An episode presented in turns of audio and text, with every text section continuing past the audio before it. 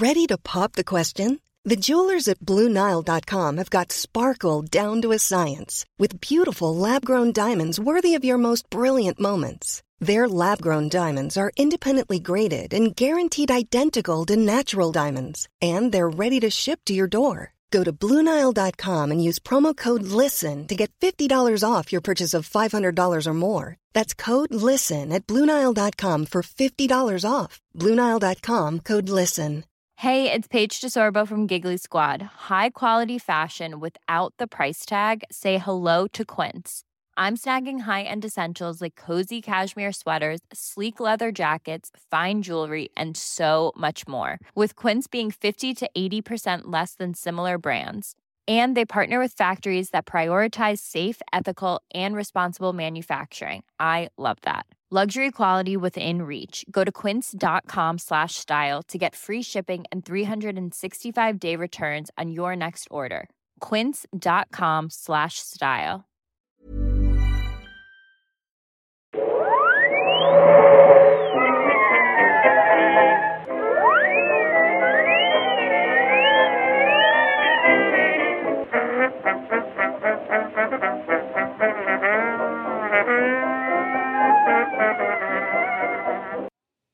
Jag tror vi är live. Är det så? Jag tror, jag tror det. Jag, Men, men gud. det- jag vet inte om det här har hänt förut. Då, ja, då börjar jag bara. Hej och välkomna till podcasten Nörden och jag. Det är jag som är nörden, Fabian Glander. Och det är jag som är jag, Viktor Engberg. Det här är podcasten eh, som, som görs nu från Faktums poddbås på Way Out West i Göteborg. Där vi vanligtvis pratar nördämnen, nördkultur och slags bildande i syfte att försöka bilda Viktor i saker han tycker om men inte vet så mycket om. Precis, och det här är ju en speciell dag, för det här är ju faktiskt så att det är väl första gången vi faktiskt utanför vår riktiga podcave, Yes. i borträknat vår resepodcave ska jag säga då, eh, som faktiskt spelas in. För vi har ju varit två gånger livepoddar tidigare, men båda gångerna har de ju försvunnit efteråt. Yes, precis. Så Och- förhoppningsvis så hör alla det här och det är helt fantastiskt. För er som inte vet då så sitter vi i tidningen Faktums poddbås. Eh, tidningen Faktum är en tidning som säljs av personer i hemlöshet och utanförskap. De kostar 60 kronor, där 30 kronor går till, den- till försäljaren. Så att, eh, det är ett fint initiativ och här sitter vi. Precis. Så gå, gå och köp tidningen. Precis. Men det är inte riktigt det vi ska prata om idag. Nej, precis. Alltså, vi, vi, är ju här och vi, vi tänker ju köra ett härligt avsnitt i, i vanlig ordning. Men, men vi, vi- befinner oss ju nu här, på, på Way Out West, och vi vill ju reflektera det. Men, men, men först, Viktor, vi, är på en festival. Jag har aldrig varit på en festival förut. Jag vet, du ser lite nervös ut. Jag tror jag är smått likblek och nej, men jag, är- jag, jag är allmänt nervös i såna här miljöer. Det är inte direkt det första jag tänker på liksom, när jag tänker Fabian Nordlander. Det är liksom bajamajor, stå och svettas med andra och lyssna på musik. Exakt. Nej, men det, det, det, det, det är ju den här tryggheten med podcaven som, som vi då har. Eh, jag har ju enorm nervositet när det kommer till toaletter över, överlag. Vart jag än befinner mig så är det första jag lokaliserar är, finns det en uppstoppad fågel här och vart är toaletten? Bara så att man vet, bara man har det liksom kodat. Jag har, jag har egentligen inga fysiska problem, jag är bara väldigt nervös när det kommer till det. Bajamajor gör mig nervös. Så en, om det är någon som då skulle liksom försöka ställa in en, en uppstoppad fågel i ditt badrum, då hade du avlidit. Liksom. Ja, nej, men jag tror jag hade vandrat ut i skogen och aldrig kommit tillbaka. Det är troligtvis det jag, jag hade gjort. Så att, då, min följdfråga då, då antar jag att du aldrig varit på en festival tidigare? Inte en musikfestival. Jag har varit på ett par filmfestivaler, men, men en- inte någon eh, musikfestival. Nej, jag har ju egentligen inte riktigt heller varit det. Jag var på Weirdo Actionist 2008 och eh, det var ju inte en riktigt festival. Det var ju i Stora Skuggan ute i Stockholm då när man... Eh, eh, ja, det, var, det var typ en... Ja, de spelade musik en dag, typ. Och sen så det, det mesta det, jag stod längst fram på Foo Fighters och sen så såg jag Sverige-Spanien då i EM när eh, David Villa kvitterade, eller nej, de, han kvitterade inte ens, han gjorde 2-1 i typ 92 minuten, så att eh, På, det var inget kul. På samma plats. Nej, det var någon annanstans, men det var på en storbildsskärm.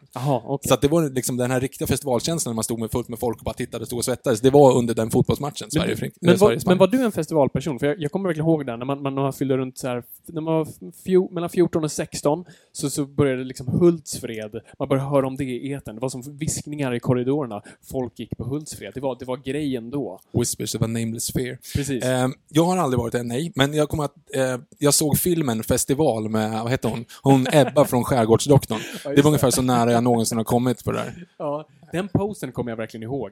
Ja, gud ja. Överallt då. Såg inte filmen. Jättemycket färger, liksom. Och sen så stod hon där. 90-talet deluxe. Ja, fast det var 2001. Oj. Eh, Hon hade också med sig en guldfisk. Och i filmen så kastar de en guld, guldfisken i en guldfiskskål i marken. Så dels ett, jag blev upprörd för att det var en fisk som var i en guldfiskskål överhuvudtaget. Och sak två, de kastade i marken så att den låg där och sprattlade. Det var väldigt fult. Det är det är traumatiskt. Ja, det var Men traumatiskt. men så du hade inget sug för det där? För det, det var i den åldern folk började liksom vilja gå på den här festivalen och, och det, det var en grej. Och nu är Hultsfred helt borta. Ja, ja Det det, finns inte längre. Nej, det är det- bättre så här. Jag hade aldrig ett intresse för det. Det var, det var liksom... Ja, det var bara Nej, jag fastnade inte riktigt heller. Nej. Men det är inte det vi ska prata om Det idag. det är inte det vi ska prata om alls. Nej, men vi, vi, vi, vi skulle ju göra det här och eh, vi vill ju såklart reflektera. Vi som vi brukar göra i den här podden, vi reflekterar antingen någonting som ligger i tiden, eh, en film som har kommit, eller är det en superhjälte som ligger i fokus, vad det nu än är. Eh, och vi var helt plötsligt på festival och vi tänkte att vi kan inte drabbla festivaler. Eftersom inte Jag var har på någon. sett Woodstock, det, det är typ det. Filmen med Ang Lee. Nej, Av Ang Lee. det är Taking Woodstock. Skit. Eh, det är en annan, det är om själva Woodstock-festivalen, inte själva Woodstock-dokumentären. Ah. Som är jävligt cool. Ehm, så att det vi kände att vi, vad fan ska vi prata om? Men vi har faktiskt inte snackat så mycket musik, trots att det här är en väldigt musikalisk podd. Ja, Vare sig ja. vi vill det eller inte. För att saken är ju den, vi är uppvuxna på musikaler. Alla 90-talister är typ det. Precis, och, det, och, och poängen är väl det, det, vare sig man vill eller inte, alltså omedvetet. Vi är ju kanske lite extrema, vi gillar ju musikaler, vi har gjort ett musikalavsnitt som ni kan gå tillbaka och lyssna på. Men det är ju framförallt via Disney. Oh ja. Alltså, det, jag har inte reflekterat över det egentligen förrän typ nyligen, att alla låtar, eller vad säger jag, alla filmer man såg som liten var ju musikaler. Alla Disney-filmer är ju musikaler. Yes. De går spontaneously, bara går de ut och bara sjunga, vilket typ, alltså, det är ju jättekonstigt egentligen.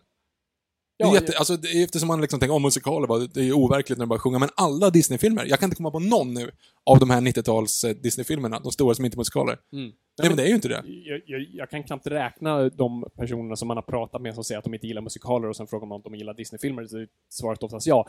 Alla älskar musikaler oavsett vad. Ja, Det, det, jag tror det. Ja, det är säkert.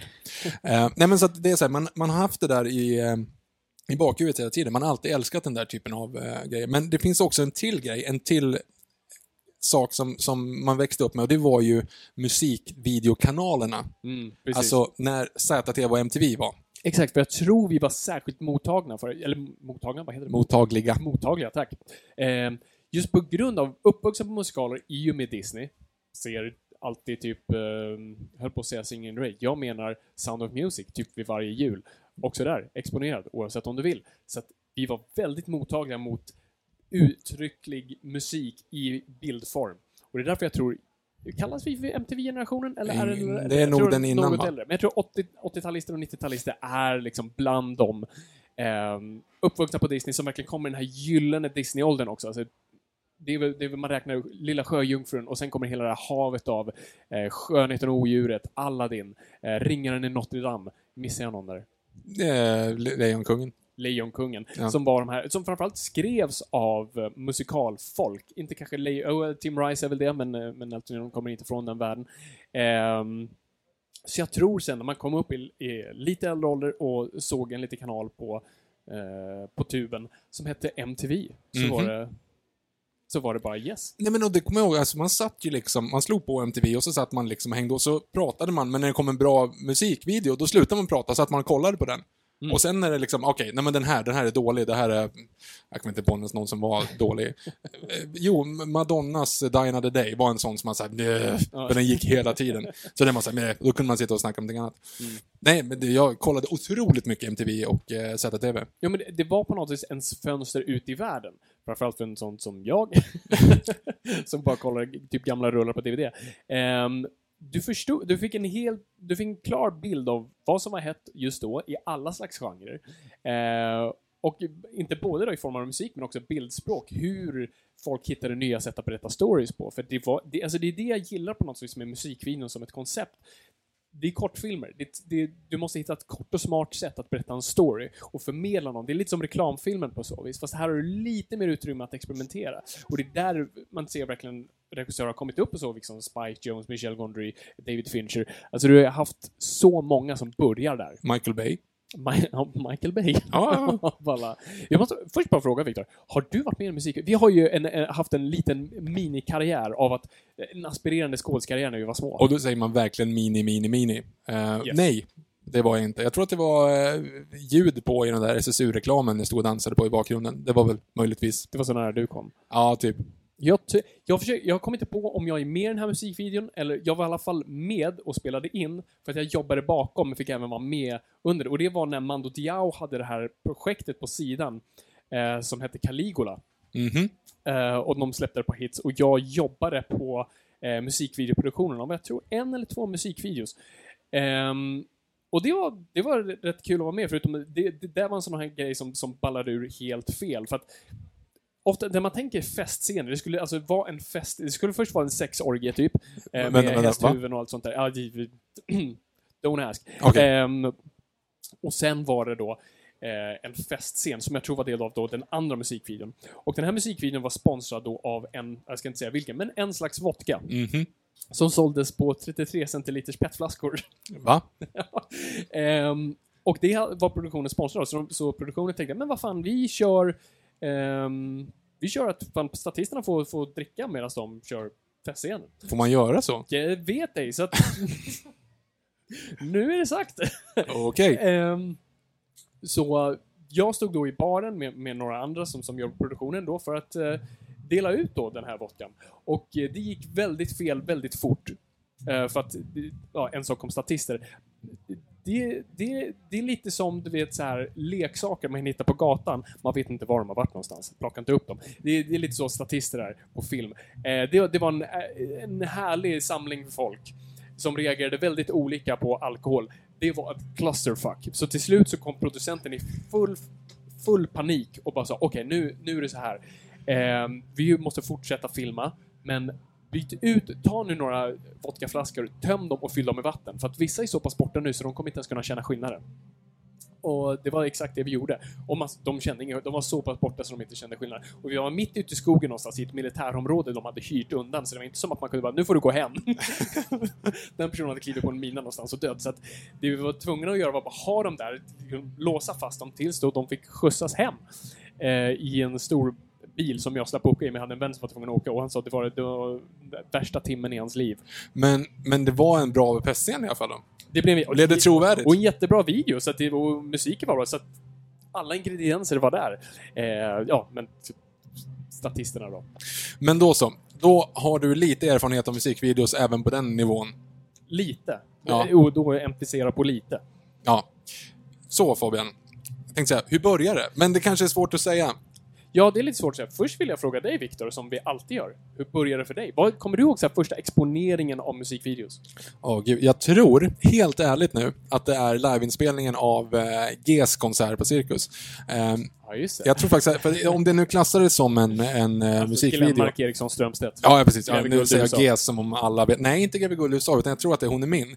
För att det är ju den, alltså när de går på den här runda scenen. Jag tror att jag såg den, för att när jag, jag har en film på mig själv när jag är typ fem år i, i kavaj av någon anledning, som står och typ så dansar till den. För jag tyckte att jag såg ut som dem då. Så Ja. jag måste ju ha någon form av eh, exponering av den i alla fall. Mm. Och efter det så är jag 100% säker på att jag var, alltså jag var supertaggad på Celine Dions My Heart Will Go On. För den hade ju lite Titanic i sig. Ja, jo, nej, det, det är sant. Okej, så det är det. Nej, alltså, det jag tänker på, jag för mig att SVT hade några så här, pro, eh, musikprogram som man ändå kollade på, så det var ens första exponering och jag tror även liksom, barnprogrammen hade lite sådana där grejer. Och sen hade du ju Mosquito. Ja, just det. eh, och, och det fanns en annan, han, han gjorde, vad hette han? Martin? Ingen aning, men det var massa halvkassa animationer i bakgrunden. Ja, och precis. Och reklamfilmer och sådär. Jag tror jag även musikvideos. Man fick se de mest experimentella typ dök upp där. Sen var det ju MTV. Och det som jag, det jag verkligen kommer ihåg med, med MTV var en gång om året hade de typ Michael Jackson-veckor eller Michael Jackson-helger. Mhm. Där de visade alla Michael Jackson-videos, vilket var hur många som helst. Och då kunde man se hela Thriller. För det här var ju grejen, Thriller var ju ofta snedklippt, för den är nio minuter lång. Så att det, de klippte alltid ner till en fyra minuters version och det var aldrig den bra för du ville se de coola danserna och storyn i början som var skitläbbig och sen efteråt, vi, vi har ju pratat om den här podden mitt varulvskomplex. Oh ja. Ehm, det är inte att jag är hårig utan det är bara jag, jag var varit rädd att bli förvandlad till varulv hela mitt liv. Ni får lyssna tidigare. Men eh, så det kommer jag ihåg bara den, den lyckan av att se de här videorna och, och, och där, alltså som filmintresserad, även som ung, Eh, bara se filmskapandet, för Michael Jackson var väl en, en, en på något vis Eh, han drev mediet framåt som jag tror ingen annan, eller kanske regissörerna han anställde, som eh, John Landis, eller Martin Scorsese i vissa fall också. Eh, så det är väl det jag kommer ihåg som, som tidig exponering liksom. Jo, men Michael var ju ändå, det var ju en höjdpunkt när det var Michael Jackson. Jag hade ju eh, VH1 heter den va? Ja, just det. Den var ju också, men då var det lite såhär modell äldre. Eh, då kände man sig lite pretto när man såg. Den var inte lika, det var ju inte lika, vad ska man säga, mycket videos som var innan. De kanske körde lite så gamla rockvideos och sånt där, vilket MTV inte alltid gör. Men om vi inte har- hade rockveckor. Men där har du ju praktexemplet, för att en av de tidigare, det har jag till och med glömt bort lite grann, det är ju Hard Rock Café. Alltså, Ah, det var ju, ja, det ja, var ju ja. som en högtid att gå på Hard Rock Café. Och Hard Rock Café körde ju alltid de här eh, videosna i bakgrunden. Och det var VH1. Det var Weird, weird lö, kan inte prata, VH1. Så att eh, det, var, det var en sån stor grej. Så Det är liksom, fan sant. Hardrock har spelat en jättestor roll, jag tror, i bådas våra liv. 100 procent. Alltså, där har du också så här, alltså, det är så här Pavlovsk reaktion att se liksom Guns N' Roses här. Är ju liksom, åh, ribs på Hard Rock. Jag är sju år och snart ska de sjunga Happy Birthday to you och eh, ta en kungens special. Vi är inte sponsrade av Hard Rock, det här kom spontant. Exakt. Nej, fan, ja, det är helt sant faktiskt. God mat och musik har kanske präglat oss. Kanske därför vi har den musiksmaken vi har. Ja, då har vi löst det, det går klart. Ja, Ja, Okej. Okay. Nej, men alltså... Jag tror musikvideohistoria är väldigt svår att definiera, för det finns oftast inte någonting, en riktigt klar såhär, ah, där är katalysatorn, där är det som sätter igång allt, utan det inspireras hela tiden här och var. Det är ett ganska flytande media. Precis som film egentligen, för du kan egentligen argumentera att gamla stumfilmer är musikvideos. Mhm. ja, ja, gud ja. För att, alltså, som jag sagt förut, musik, eller uh, silent movies were never silent. Alltså, de, var- det var aldrig tysta rullar. Du hade ju oftast band eller en pianist som spelade med filmen. Och det är ju det som på något vis var med och drev Storm. Musiken var, var en, spelade en helt annan roll än vad vi kanske ser idag. Så att, bara där, för att även under stumfilmens tid, du hade ju små kortfilmer, små sketcher, små trolleritrick och det var ju i, stort kunde vara en två minuters lång musikvideo. På att någon kanske inte stod där och sjöng. Nej, men det är ju bara att kolla på den här första westernfilmen som vi pratade om. Mm. De här som kommer in på ett, en bar och så beställer någonting att dricka och sen börjar de slåss och så är det slut. Alltså, på en och en halv minut. Det var ju första westernfilmen. Det är ju en musikvideo. Det skulle definitivt kunna. Det är 1886 var den från, va? Var det inte något sånt där? någonting sånt Det där. var ju typ att Billy the Kid var samtida med den. Mm. Precis. Nej, men, och, och, och fr från det så kan vi även komma tillbaka som vi alltid kommer tillbaka till, vilket är Disney. Alltså Disney började ju också tidigt med att göra så här, alltså animerade små musikfilmer. Ja, just det. Vilket leder oss in till Fantasia, Fantasia, vad du nu än vill. Det är, alltså Fantasia är ju egentligen bara en samling av olika musikvideos. Mhm. Det är, Ja. det är knappt något snack i dem alls tror jag. Nej, det är ingen snack i Nej, dem. precis. Så det, det är en samling av musikvideos. Så där är ju också någon som driver mediet framåt. Och sen när ljudfilmen börjar dyka upp, ja då har vi musikaler. Musikaler blir den största genren och vi bara pumpar ut dem. Så vi har pratat om vårt musikalavsnitt, så gå och lyssna på den. Eh, Med reservation för att vi sjunger ganska fult. Yes. Ehm, så det var ju, det var ju mediet som, alltså, så som vi ser superhjältefilmen idag, var musikalen då. Så att det var ju ett enormt jävla medie. Och det är också där hur man experimenterar med, hur förmedlar vi musik via story? Och hur kan bild och musik matcha på bästa möjliga sätt?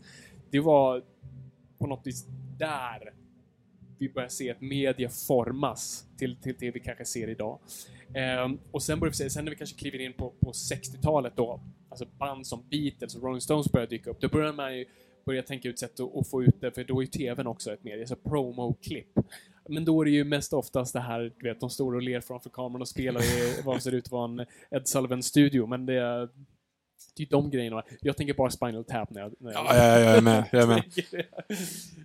Ehm, så det, och jag tror Beatles kanske spelar den, den, en av de största rollerna i form av den moderna musikvideon. För där har du ju när de först gör, de gör ju först Hard Day's Night, det är lite mer en dokumentär.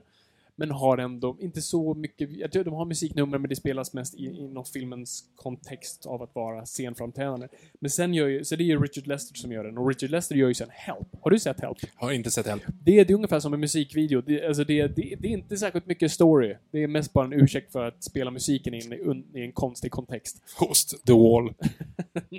Nej, nu, är, nu, nu har det gått för långt. Eh, Men Help har ju egentligen bara uppdelat av olika små musikvideosegment som har en liten ursäkt. Ja, nu är vi ehm, hotade till döden av någon som är efter oss. Så nu behöver vi den brittiska armén som skyddar oss och så spelar de musik ute på ett militärfält där man ser bara massa pansarvagnar och massa annan militär skit. In, är det det den handlar om? Det, nej, det, tro mig, det handlar om det handlar om det, där är, det är en ring i båda filmerna. Ja, precis. Det är en ring här också. Ringo har en ring som några, som några från ett annat land vill komma åt. Ja, ja det låter jättebra. Du, du har sålt in den helt. Eh, men där, där ser man på något vis, jag tror den, den generationen som växte upp på Help är på något vis de som blir de första MTV-regissörerna. Och, och i och med musik börjar kunna träda en roll och dra in pengar på bio via Beatles så börjar vi se också konsertfilmer. Bara för att tänka på Pink Floyd, för det är det vi pratar om i Live i Pompeji, alltså man gör eh, konsertfilmer med, med lite grejer mittemellan. Och sen, eh, ja, men typ, och sen dokumentär, alltså Don't Look Back med Bob Dylan, har du sett den? Eh, nej. Av Pennebaker. Eh, för där är ju ett segment där de eh, spelar Subterranean Homesick Blues. Um, jag vet inte vad du pratar om. Okej, okay, men i alla fall, det, det, är nästan som ett musikvideosegment. Det är ganska känt. Bob Dylan står med skyltar. Nej. Som man då liksom, jag tror det är texten på dem som man då byter. som i Love actually? Så att du fattar. Yes, som i Live, ja. live, live Actually. Ja, men då så. Det är precis som den filmen. Nej, men så, så, så det är egentligen promo-klipp man börjar leka med här. Och det är väl här också man kommer in på Queen. Mm, ja, ja. Men då antar jag att du menar Bohemian Rhapsody då, som de ja, bränner precis. på med massa Ja, precis. Nu är det någonting du börjar känna igen. Ja, just det. Det har jag hört talas om. Ja. ja. för den börjar väl... Kan du den här storyn bättre än jag? Alltså, det börjar som ett promo-klipp. Mm -hmm. Då de egentligen bara ska spela den live, men sen bestämmer de för att lägga in lite av de här då Ja, de, ja, precis. Att de här det är ansiktena, ansiktena på dem som också ja. gör... Eh, det är väl också omslag på deras skiva, tror jag. Alltså ansiktena de är upplysta underifrån och sen när de säger Galileo, Galileo, ja, Galileo och så är det olika. Så då är det helt plötsligt någon som har klippt in andra saker i deras mm. film. Hur ska vi kunna veta vad de spelar om det är andra saker där? uh, så att det är väl egentligen man kan komma... Det är första gången de försöker förställa det lite grann och inte bara liksom... Har du sett musikvideon till Turtles? Um, Imagine me and you, I do, Jag trodde du, jag trodde du menade uh, Ninja Turtles. Nej, nej. Alltså den, för då står det är ju verkligen så, det är ju en tagning alltihop. Han står bara där liksom själv och alla ser ut, alla ser ut som en Pepsodent-reklam. Alla står Aha. bara tokler liksom. Det är den bilden jag har av hela 60-talet. Ja, ja men det, det, du är inte fel ute. Nej, ja, skönt. Fan, på tal om det, när vi ändå är, alltså Ninja Turtles, var du ett Ninja Turtles-fan? Nej. Nej, du var inte Okej, okay, jag var ett casual-fan. Jag hade några böcker och några, var, några leksaker. Jag tyckte de var overkliga, de var inte riktigt reptiler. Ja, just det. Fast det känns ju som det vore kattmynta för er, för, ni, för er som inte vet. Viktor älskar ödlor. Ehm, det är, och reptiler överlag. Det är paddor som har krypit in i ett skal. Det är ju typ, det är det som är lite mysko. Det är ju inte ens riktiga sköldpaddor. Skitsamma, kör! men alltså, Ninja Turtles-crazen på 80 och 90-talet var så jävla stor. Alltså det var ju, det var ju ett pojkband. Alltså, ja. De släppte ju skivor, julskivor, vanliga skivor, julkonserter. Ja, men det är ju ett koncept som... Det är som alltså, Chipmunks-grejen. Ja, eller Smurfits. Eller så, ja, vi, det är vår version av Smurfits. Vi hade Smurfits. Hade du Smurfits? Nej, jag... jag Smurfits 17. det... Där de kör Barbie Girl fast det låter typ exakt likadant. Ja, jag är en smurfan girl eller något sånt där. Ja, precis. Det, för in smurf-grejen. Ja, det, det, ja, men det var ju det som var grejen. För, för Chip, Chipmunks-grejen var att de bara drog upp de bara pep. Ja, precis. Nej men smurfarna, då skrev de ju om, citationstecken, skrev om texterna och, och tryckte in smurf på alla ställen de kunde hitta. Mm. Det, är, det är en av mina favoritstories av Per Oswald, komikern. Han berättar om han hade Chipmunks ljudskivan på LP. Och det, det var pipigt, men det de gjorde var att de drog ner hastigheten på den. Så det lät som en satanistisk bönrop. ja, så kan man också göra. Så kan man också göra. Nej men, och jag tror, jag tror Queen på något vis är, är den bästa grenen över till musikvideon. För att musikvideon drar ju inte igång på riktigt förrän MTV. Mm, nej, nej säkert. Det, det känns inte som det, men vad är, vem först, är jag? Vad är första videon på MTV? Det är den näst mest söndersjungna låten på Singstar. Det är eh, Buggles Video Kill the Radio Star. Yes. Vilket är så, alltså, det är eh, sympatiskt. Ja, eller sympatiskt. Meta är det liksom, symboliskt vad det jag letar efter. Alltså just när nu, ej, radio, ni försvinner, video kill radio star, och så är det den. vilket var väldigt sant. Ja. Den videon är för övrigt roligt att kolla på. ja, för ingen vet vad musikvideo är Nej, exakt. Eh, Trots att det ändå har funnits någon slags version av mediet så är det som att de precis har sett en glödlampa. Ja. Att det har så gått runt med stearinljus. För att de, man ser att de tittar på kameran, de vet inte ska titta in, ska inte titta in, ska titta bort, ska jag titta på instrumentet, okej. Vilken, vilken hand är det jag spelar med? Och så ser man bara att de står, står och viftar. Alltså, vänta, är det den Hans Zimmer är med i? Hans Zimmer spelar synt. Det är också helt sjukt. Hans Zimmer dyker upp som ung liten syntpoppare. Ja. Fast han såg inte så bra Alltså han ser ju ut som att han står och håller sig bara liksom. Ja, exakt. För alla ser jättenervösa ut. Ja. Liksom, det, du vet den här grejen som när man först kom på kameran, så här, kommer den här fånga min själ? Vill jag, vill jag bli fotad i den här grejen? Kommer jag fastna i den? Det är ungefär så alla ser ut att vara. Japp. Nej, men det, det är en fascinerande video överlag. Men det är, det är den som kickar igång hela MTV-kulturen, som blir sitt egna medie. Och regerar i, ja men typ 20-30 år Ja, nästan. är någonting sånt blir det väl. För typ i vår liv, vi, vi är nästan med att se den dö, leva och födas och sen dö. Ja. Men, eh, ja, men så MTV på något vis driver både musiken och mediet musikvideo bara framåt.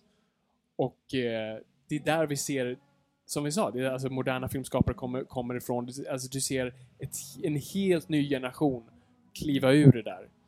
Det, det är en ascool grej. Ja, ja, det är helt sjukt. Och det var det första man slog på när man kom hem. Det var MTV. Mm. Ja, jag, ni jag förstår att vi har tappat våra unga lyssnare här, men det får vi... Okej, ska vi förklara vad en musikvideo är? Ja, precis. När förklarar man TV är? Ja, Jo, ni förstår barn, att förut då var det som att man hade en dator fast bara i vardagsrummet och man kunde inte själv bestämma vad man skulle, vilken sida man skulle surfa på. Det var som YouTube fast det är någon annan som Väljer som åt väljer åt dig. Det är som att gå på shuffle, fast Ja. du har inte valt spellistan. Precis. Ja, där har, det var ju perfekta jämförelsen. Så gå på recommended på eh, Spotify, för, förutom att det inte är skräddarsytt för dig. Nej, det, det är bara totalt Du var allmänt. tvungen att acceptera det som fanns ute i världen och Ja. bara äta det. det är. Undrar vad det kommer göra med, med olika generationer, för att som sagt, vi... Det, det var ju den här grejen, när du var uttråkad satte din mamma dig på en stol och bara “titta in i väggen då”. alltså du vet, när du satt i ett väntrum till doktorn, det var, vad fan skulle du göra? Nej, det var ju den här... Det var att läsa Amelia, titta i taket, eller typ... Men det brukar finnas lite så här bröllopstidningar också. Och möjligtvis ett akvarium. Då var jag helt lost, eller fast. Det var ju en riktig lyx. Ja, ja, men då, då var I det ju bästa lite... typ en Bamse-tidning. Ja, det, men det var de här, liksom, ska man säga, fina eh, tandläkarna. Då hade de oftast ett akvarium också. Ja, du gick till dem. Ja, det Ja, fancy pansy. fancy pansy där. Mm. Nej, men det, det är ju intressant. Det är ju det eh, som, som, som vi sa där. Alltså, vi var, tvungna, vi var uppvuxna med det just att så här, du slår på TVn och du får det du får. Du ser på MTV, du får nödvändigtvis inte det du lyssnar på, du får inte nödvändigtvis det du vill ha, utan du måste vänta. Kommer du ihåg den här känslan när du satt typ och kollade på en topp 10 och hoppades på ah, men den här, jag gillar den här videon, den är väl hyfsat inne nu, jag hoppas den dyker upp och så hade den kanske åkt ut eller Skit. Ja, bara, fan, jag har suttit här en timme nu och bara kollat, eller när det var rockveckor eller temaveckor, när det var Michael Jackson, bara fan, jag missade den! Okej, nu är det bara att vänta på nästa. Och det, är- det är också praktexemplet. Låtar, det finns ju en rangordning när låtar blir bäst. Alltså om du skulle höra, om du väljer själv, sämst, det är Spotify. För att Ja. du får välja själv. Det är Ja. så här, jag vill höra just den här låten just nu. Efter det är det skiva. För då är det liksom så här, Jag har köpt skivan jag, ändå, jag vet skiva, sätter in det lite jobbigare, det är lite andra låtar. Sen, Jag vet inte, nej, vet du vad? Vi måste nog... Vänta, du har missat ett steg där. MP3-spelare, sen skiva. okej, MP3, ja för just det, för då kom du inte ur den liksom. Den satt där ändå. Ja, precis. Alltså, du var fortfarande... Exakt, du var, du var låst till det du hade valt, men du hade ändå valt det. Precis. Och sen då så är det ju eh, radio, och sen var det MTV, och sen är det live. För där har du verkligen så. Du kan ju liksom, skulle man se Las Ketchup. Spela Shoreline! Ja, precis. Ja, men skulle man se Las Ketchup liksom, så skulle Las Ketchup sång vara helt fantastisk live. Bara, men skulle man slå, få fram den på shuffle på Spotify så hade man tagit bort den. Inte för att jag har den på min lista. Den här, det här Det jämförelsen konstig- fallerade. Men du förstår principen. Jag Låtar förstår som man annars tröttnar på och hör live är helt fantastiska. På samma sätt så var det när man satt på, på MTV och bara väntade, väntade, väntade, väntade. Ja. Så, Åh, en till Missy Elliott. Och sen helt plötsligt så blir det liksom, ja men typ eh, Madonnas Beautiful Stranger. Det var så här, åh fantastiskt! Ja. Liksom. Ja, det var ju grymt. Ja, men, och som sagt, vad gör det då med den här nya generationen som jag vill se nu Katy Perrys... Roar. ja, men, roar. Då ser jag Roar. Jag, jag, jag, klipp, jag trycker fram den. Ja.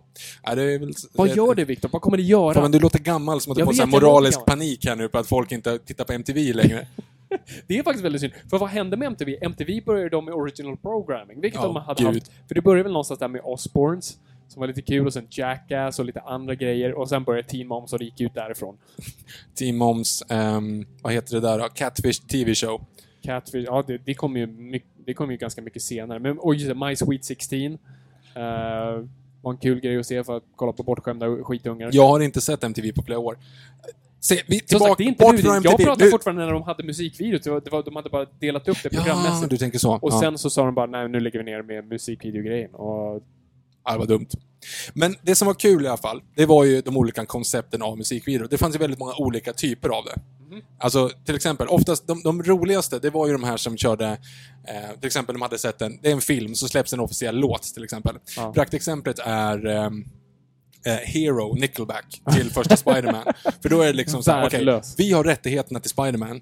Vi har inte råd att göra någonting annat. Vi ska bara få in Spider-Man med. Så att de står på typ ett hustak och så ser man, klipper man till filmen när Spider-Man svingar lite grann och de står på ett hustak. Mm. Bästa exemplet är... Okej, näst bästa- exemplet är Celine Dion med Titanic. För där fick de ändå in, där står hon på båten. hon fick ett setpiece. Ja men liksom precis, någon har, hjäl- någon har hjälpt henne liksom. Mm, de grävde fram det från lagret. Bara, Okej, men stå där. Det är, liksom, det, det är den scenen alla kommer ihåg. I'm the king of the world. Bara stå där och sjung. Mm. Men de klipper väl ändå in fortfarande klipp från filmen. och så hade den ändå någon form av connection mot det. Ehm, ett annat dåligt exempel, det är ju väldigt ny och den har vi pratat om tidigare, det är ju Suicide Squad och uh, Wiz, nej inte, vad heter han? Skrillex med Purple Lamborghini. Yes. Vilket är hemskt. Det är ju bara Jared Leto utsminkad i Jokern som går omkring och typ gör saker. Alltså, Det är en står... väldigt pinsam video att Ja, kolla det är på. hemskt. Det, Det den är är skämskudde. värdelöst ljusat, han går omkring och man märker liksom att Jared Leto vill inte vara där. och sen så försöker, när han försöker skådespela, tänker man såhär, åh, du försöker för mycket. Ja, det, det är hemskt. Vilket sluter liksom hela cirkeln då till Madonnas Beautiful Stranger, där det har, den är baserad på Austin Powers, första Austin Powers-filmen, så där har de gjort som en, en story om att Austin Powers ska då eh, försöka vinna över Madonna, eller vad ska, hon är typ en spion, så han ska kolla in henne. Precis. Och de har gjort en hel story kring det, vilket jag tycker är rätt bra. Vilket är i stort sett shot for shot en iden- identisk med då Purple Lamborghini, vilket är det roliga. och här kan du se hur du gör rätt och hur du gör fel. Precis. Eh, fast Madonna är, eller Austin Powers utbytt mot eh, Jokern, Jared Letos Jokern. Inte jättestor skillnad. Nej, kanske inte nu.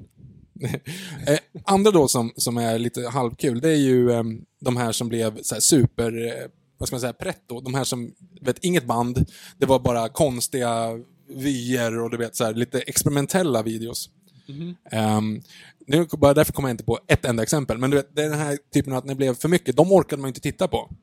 Det berodde på. Alltså sådana som så här, Michel Gondry som testade saker med som var experimentella. Det är ju de jag tyckte var mest intressanta. Va? Jag var ju en sån här tvärtom. Ja, du ville bara se kasta färger och dansare på mig. Ja, eh, Anders Glenmark, hon har blommor i sitt hår när det bara är du vet, jättemycket chroma Ja, key. men och- där har du ju en genre. Där har du ju, vilket är så roligt. För, framförallt Sverige på 90-talet, men jag tror också, alltså tidig MTV och musikvideologer försökte ju bara testa sig fram. What sticks? Man kastar saker och bara ser, vad funkar det här? Jag vet inte.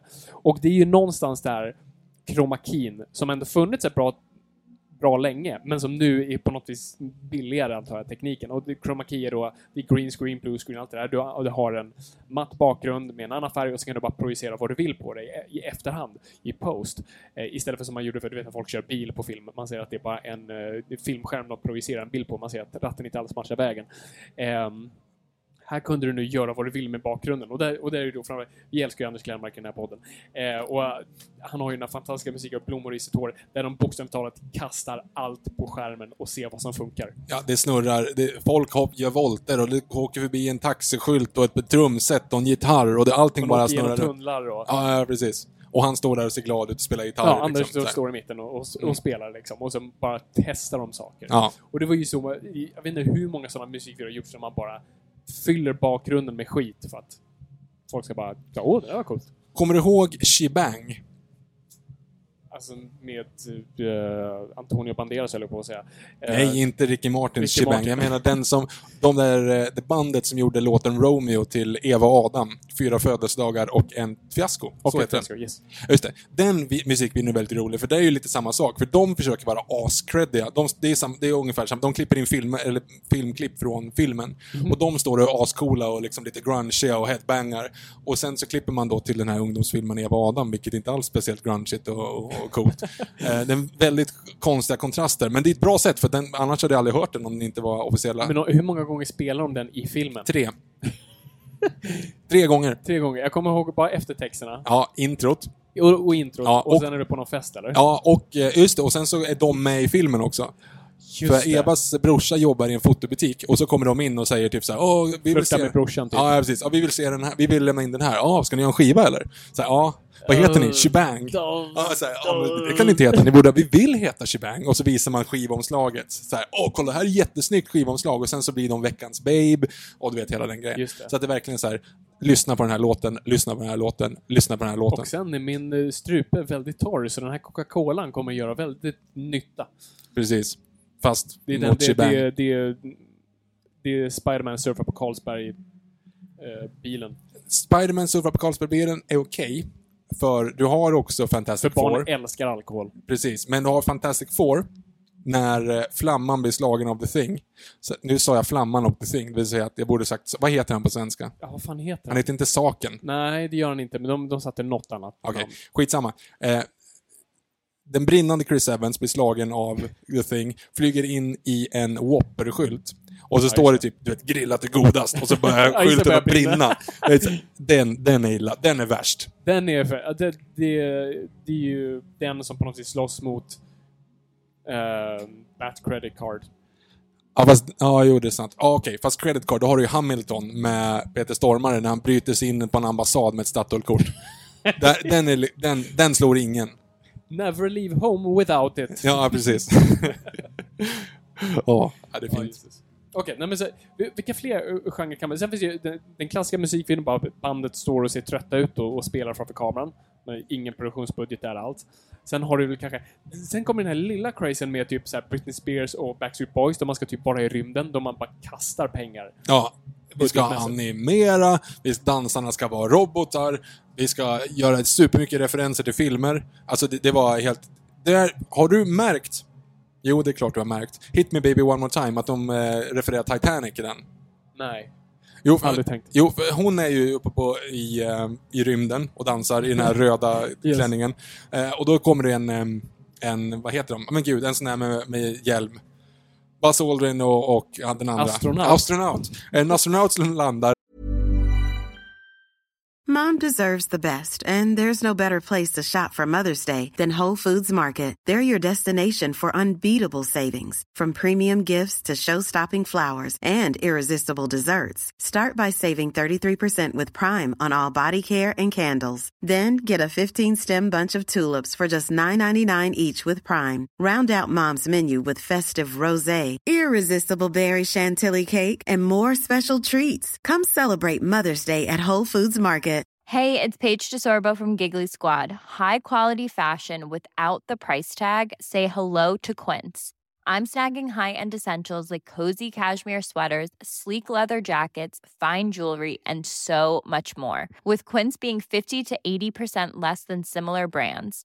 And they partner with factories that prioritize safe, ethical, and responsible manufacturing. I love that. Luxury quality within reach. Go to quince.com slash style to get free shipping and 365 day returns on your next order.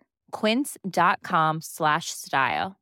Mom deserves the best, and there's no better place to shop for Mother's Day than Whole Foods Market. They're your destination for unbeatable savings, from premium gifts to show-stopping flowers and irresistible desserts. Start by saving 33% with Prime on all body care and candles. Then get a 15-stem bunch of tulips for just $9.99 each with Prime. Round out Mom's menu with festive rosé, irresistible berry chantilly cake, and more special treats. Come celebrate Mother's Day at Whole Foods Market.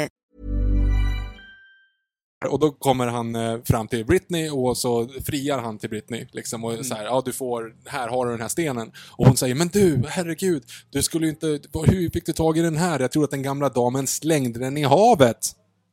Oh. Ja! Och då säger han typ Yeah baby, I went down and got it for you. Så det är ju en referens till, då, eh, till Titanic. För då är då det, det, det mest kärleksfulla man kan göra. Heart of the Ocean, precis. Ja, som egentligen då eh, Billy Zane då har gett som ett svin. Så det, är- det är ju inte sen kärleksfullt. Den, Nej, och det är väl sensmoralen av den storyn att liksom... Ja, vi skiter i det, Det är inte äkta fina. kärlek. Nej, precis. Nej, så att det hon, de missuppfattade. Jonas Åkerlund som gjorde den, va? Titanic? Nej, inte ta- ja, Hit My Baby One More Time. Jag vet inte, det kanske det var. Jag tror det. Ingen aning. Ja, nu sitter vi här och gissar. Ja, det är, det är bra poddmaterial. Ja, precis. Vi kan podda utan Google. Mm. Hashtag. Yes. Eh, jo, men den, en, vi måste bara gå igenom svenska musikvideos. Oh. Eh, för Det, det kan du bättre än jag. sve- svenska musikvideos på 90-talet var väldigt intressant, för där hade ju dels Eldkvarn, Kärlekens tunga, och eh, eh, Peter Marks Sången och spelande filmen är slut. De ser helt likadana ut. Okej. Alltså det är, det är Plura eller Peter som står i svartvitt och mot en vit bakgrund och liksom bara står och smygdansar lite grann. Plura har en gitarr. Det, jo, det fan Peter har också en gitarr. Lagar han mat? Det gör han inte. Har han skjorta på sig? Eh, ja. Eller han har kläder på sig i alla fall. Okej. Ja, det var innan han blev lite Så det större. här är liksom Balbasaur Plura innan han blir full frontal... Venosaur, precis. Venusaur, Venosaur Plura. Ja. Det är innan, ja precis. Nej, men så att, eh, då är det i alla fall, och sen så klipper man mellan typ, eh, ja men en, en familj som är i svartvitt. För övrigt, fantastisk låt, eh, båda två av dem där, men det är en, en typisk sån. Och svenska musikvideos har ju, de har ju gått lite grann åt två håll just nu, för antingen lägger du apmycket pengar på dem, eller ingenting. Och ingenting, då är det att de står i ett rum och så står det artisten som står och sjunger lite grann bara. Liksom tänker man så här, det här är en ny musikvideo, och så bara, mm, fast det är ju egentligen bara, det är en selfie. Eller då man lägger på apmycket pengar och försöker, nu ska vi göra någonting radikalt, nu klär vi av någon och, och Aftonbladet skriver nakenchock i nya musikvideon. Alternativt gör man som Martin Stenmark i Sju kliv. Man rakar av sitt hår när man sjunger raka av sitt hår. Yes. Eh, så att man hade en one shot liksom när han skulle vara. Och sen så började han boxas, den är inte bra heller. Inte en alltså. bra video. Nej. Men den fick ju ändå Och sin, där är sin ju också den här uppmärksamhet. med en stjärna har sett en film som de tycker om och vill inkludera. Mm. Så där är det jättemycket Fight Club. Ja, gud ja. Jag Det är som Fight bara Club, jag vill slåss. Ja. Raka av mitt hår och bära sig ut på bår. Ta tjuren vid hornen och hålla dem hårt. Och någonting med sanningen och kväva all gråt. Uh, you should know. I should know, I do know. Och sen har du de filmiska. De här som försökte vara... Praktexemplet där har du Enrique Iglesias Hero. Ja, just det. Där han, då är han ju också jagad av några gangsters och han och Jennifer Connelly, va? Jan? Jennifer Love Hewitt är det. Det makes more sense. Ja, Jennifer Love Hewitt är det. Som äh, åker, äh, åker bil och blir jagad av några gangsters och så, så slår han dem och det är jätteballt. Och han, ja, han, han ville vara actionhjälte helt enkelt och sa han eh, få in det i min video. Ja, exakt. Men ingredienserna handlar ju inte om det. Jo, kör! Vi ska slåss. Um, intressant uh, stilistiskt tänk där när han kräks som om, eller han sjunger som om han kräks. Va? Alltså, Aha, just att han, okej. det, varenda gång så är det som en En stor, stor luftbubbla som kommer upp ur strupen innan han börjar sjunga Be a hero baby. Ja, typ så. Eh, det har fastnat vid mig. Mhm. Och sen så har du ett till typ av det. Det är de dåliga musikvideorna. Oh. De som gör en stjärna. Det vill säga, alltså praktexemplet återigen, Rebecca Black. Ja, just det. Alltså, tänk stackars, de, de, hon har ju, någon har ju betalat liksom. Be- Berätta storyn först. Ja, men det, det är ju liksom, Rebecca Black var ju en, en eh, ung tjej, som liksom duktig på att sjunga, inte så, men hon, eh, hon, hennes föräldrar betalade ju en sån här spänn då, att man går till något ställe och så får göra en egen musikvideo.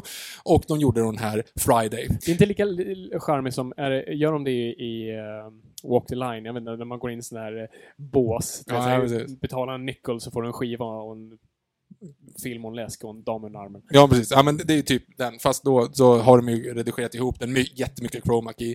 Någon annan har skrivit den antar jag. Så att de betalar säkert ganska bra med pengar och så lägger de upp den här på YouTube. Den fick ju så extremt mycket hat. Det var ju, alltså, Youtubes mest sedda video hur länge som helst. För att det var, men hon blev ju typ en citationstecken stjärna. Hon är ju en världskändis på grund av att hon gjorde en dålig musikvideo. Ja, absolut. Och den är inte så dålig. Den är dålig, men den är inte så dålig. Men det är också just att det, det, den kändes så, alltså det var, den gick emot allt vad kreativitet, kreativitet var. Gandalf. Gandalf. För att Rikemansbarn, Sweet 16 än en gång, tillbaka till det, eh, som bara pröjsar för att få en levererad låt direkt från fabriken bara i knät, gör en video, pumpa ut den. Och den sög. Och den sög. Ja. Det, jag tror det är det många satt sig emot lite. Och sen så har du den sista, som jag tänkte så här. De roliga. Ja. De som blir viral genom att de är roliga. Genuint roliga eller... Nej, de som försöker vara roliga och så Okej, blir de så liksom är- roliga. Ja men, ja. Yl- Ylvis, What Does the Fox Say? Hela Lonely Island, du vet alla de här, Mm. um, egentligen Foo Fighters körde med. Learning to Fly är ju, det är ju en komedi mer eller mindre. Det är ju David Growl i, i massa olika liksom fatsuits och liksom, Mm. som kliver på ett plan. Det, Ja. Då ska det vara liksom kul. Ehm, och där har du ju också Blood, alltså hela början på 90-talet försökte de verkligen det. Um, Eminems, den där... Ja, du vet den, jag kommer inte ihåg vad den heter. Bloodhound Gang körde samma sak. Det var liksom, försökte jobba in humorn i det och försöka få sticka ut i den mängden. Frågan om det, det är väl det som funkar nu. Nu kan du inte göra en Archie Farchie video längre, för det är ingen som kollar på det. Jo, alltså det beror på. Alltså det, här kan du ju skräddarsy snarare din musikvideo för din publik. Alltså du snarare riktar dig direkt till din målgrupp. Medan musikvideor då kanske på 90-talet försöker vara så breda som möjligt. Att okej, vi är ett band och vi måste komma utanför vår grupp och utanför vår media om man kan säga så. Så man försökte bara vara så bred som möjligt eller få uppmärksamhet då antingen som du säger via humor eller via göra någonting väldigt experimentellt. Nu, nu är det ju lite vad bandet själva vill göra. Om de vet vad ens målgrupp är ute efter. Så här, nej men de vill mest bara se oss spela i ett mörkt rum där vi ser coola ut. Okej, då gör vi det. Eller nej men vi, vi har lite arty-farty musik så att vi vill nu vi vill ha någon cool regissör från Belgien som ska göra det här för att reflektera låten. Ja, då gör vi det. Belgien. Eh, det lät ar- arty-farty. Ja, så det är väl där på något vis också musikvideon har förändrats mer. För att det är också det är svårt att göra på gränserna för att en musikvideo nu ska få uppmärksamhet. Det är lite som du säger, det, är, det ska vara humor typ. Eller göra någonting väldigt radikalt. Eller så är det typ någon som Beyoncé som redan har en superpublik så allting hon kommer producera kommer ses. Mm. Och det är väl det som är, och hon lägger ju så jävla mycket, det är väl det som är så kul med Single Ladies. Ja. För de hade sprängt hela hennes budget på den innan. Jag tror If I was a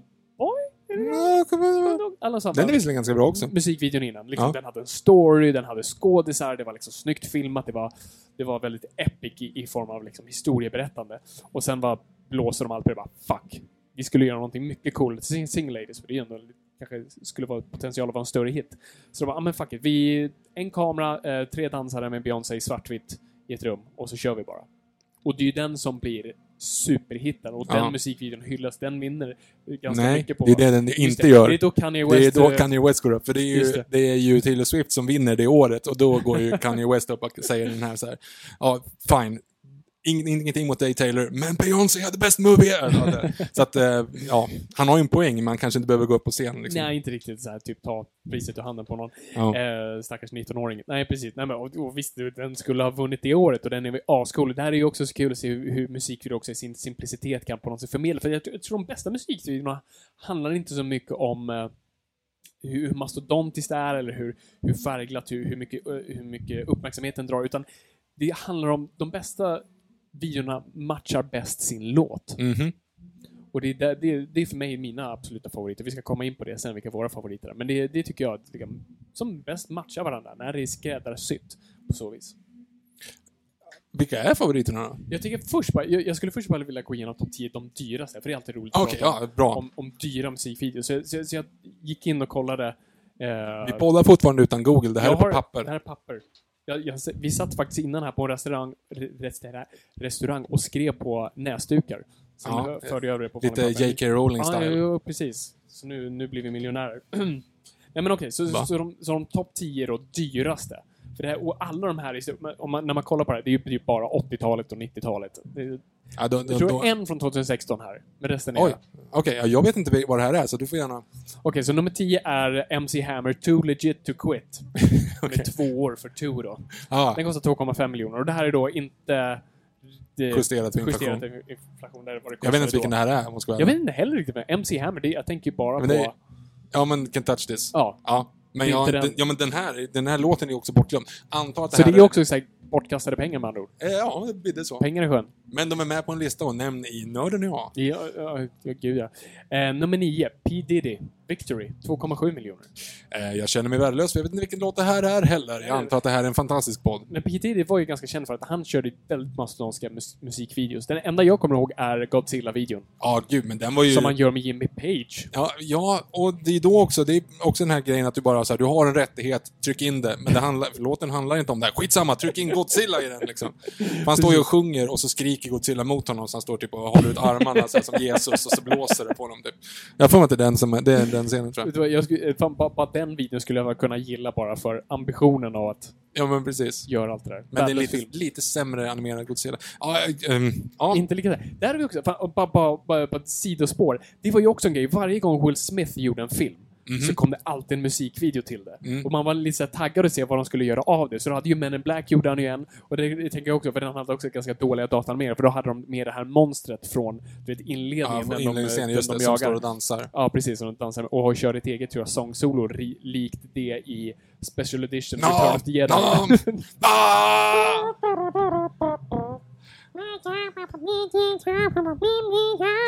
the Jedi. no. Ah!